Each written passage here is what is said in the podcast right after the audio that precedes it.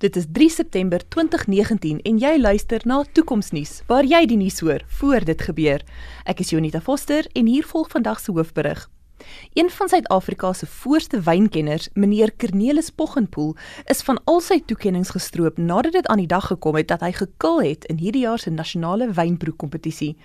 Die wynproe-kompetisie vereis dat deelnemers slegs hul natuurlike sintuie en aangeleerde vaardighede gebruik om wynsoorte te identifiseer en klassifiseer.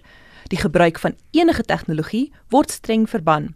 Meneer Poggenpoel het egter tydens sy deelname aan die kompetisie gekil deur gebruik te maak van 'n skandeerder en die donker web. Beoordelaars het snuf in die neus gekry nadat hulle meneer Poggenpoel se vorige kompetisie uitslae bekyk het, nadat hy verbasend goed gevaar het in hierdie jaar se kompetisie. Meneer Poggenpoel het aanvanklik skuld ontken en gesê dat hy met die hulp van internetvideo's sy vaardighede oor die afgelope jaar verskerp het.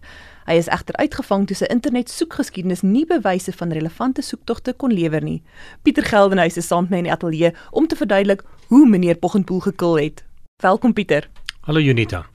Pieter, voor ons by die wyn gedeelte van hierdie berig uitkom, verduidelik asseblief in kort vir ons, wat is die donker web wat meneer Poggenpoel gebruik het om te kil? Unita die donker web is maar eintlik die gedeelte van die internet waar mense nie gemaklik om nie maklik toegang te kry via 'n soekengine nie. Die internet is 'n wye plek waar jy baie data en inligting kan stoor, maar soekengines het dit makliker vir ons gemaak om dit te soek en daarby uit te kom. Die donker web is eintlik maar dele van die internet waar jy inligting stoor en ander mense het nie maklik toegang daartoe nie. So, hoe werk die skandeerder wat meneer Poggenpoel dan saam met die donker web gebruik het gedurende die kompetisie? Die gerugte dui daarop dat hy 'n SIO skandeerder gebruik het. Dit is 'n spektrumanaliseerder.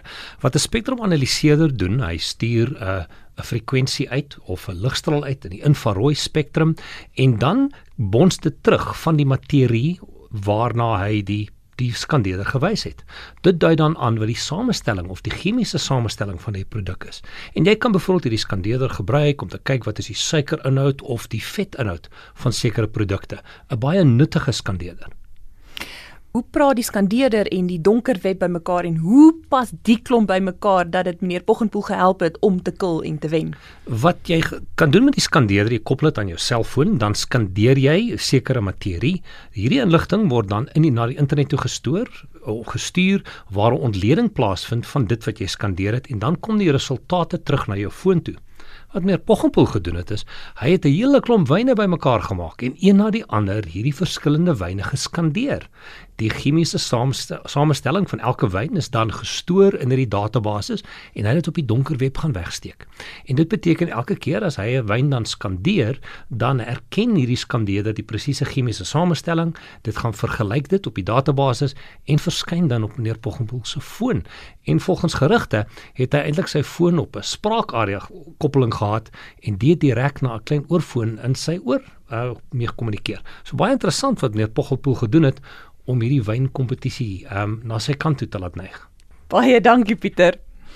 Sunny van Jaarsveld, die hoofbeoordelaar van die wynproekompetisie, het gesê dat hulle glad nie bewus was van die bestaan van die skandeerder nie en dat die beoordelaars dus nie op die uitkyk was vir die gebruik daarvan nie. Sy het ook gesê dat die reëls van die kompetisie hersien sal word in samewerking met tegnologie spesialiste sodat die beoordelaars in die toekoms voorbereid kan wees op alle moontlike kul tegnieke. Dit was Pieter Geldenhuys en Jonita Foster vir Toekomsnuus waar ons die moontlikhede van die toekoms ondersoek. Vir meer inligting oor vandag se episode en ander tegnologieontwikkelinge, besoek gerus die Toekomsnuus Facebookblad.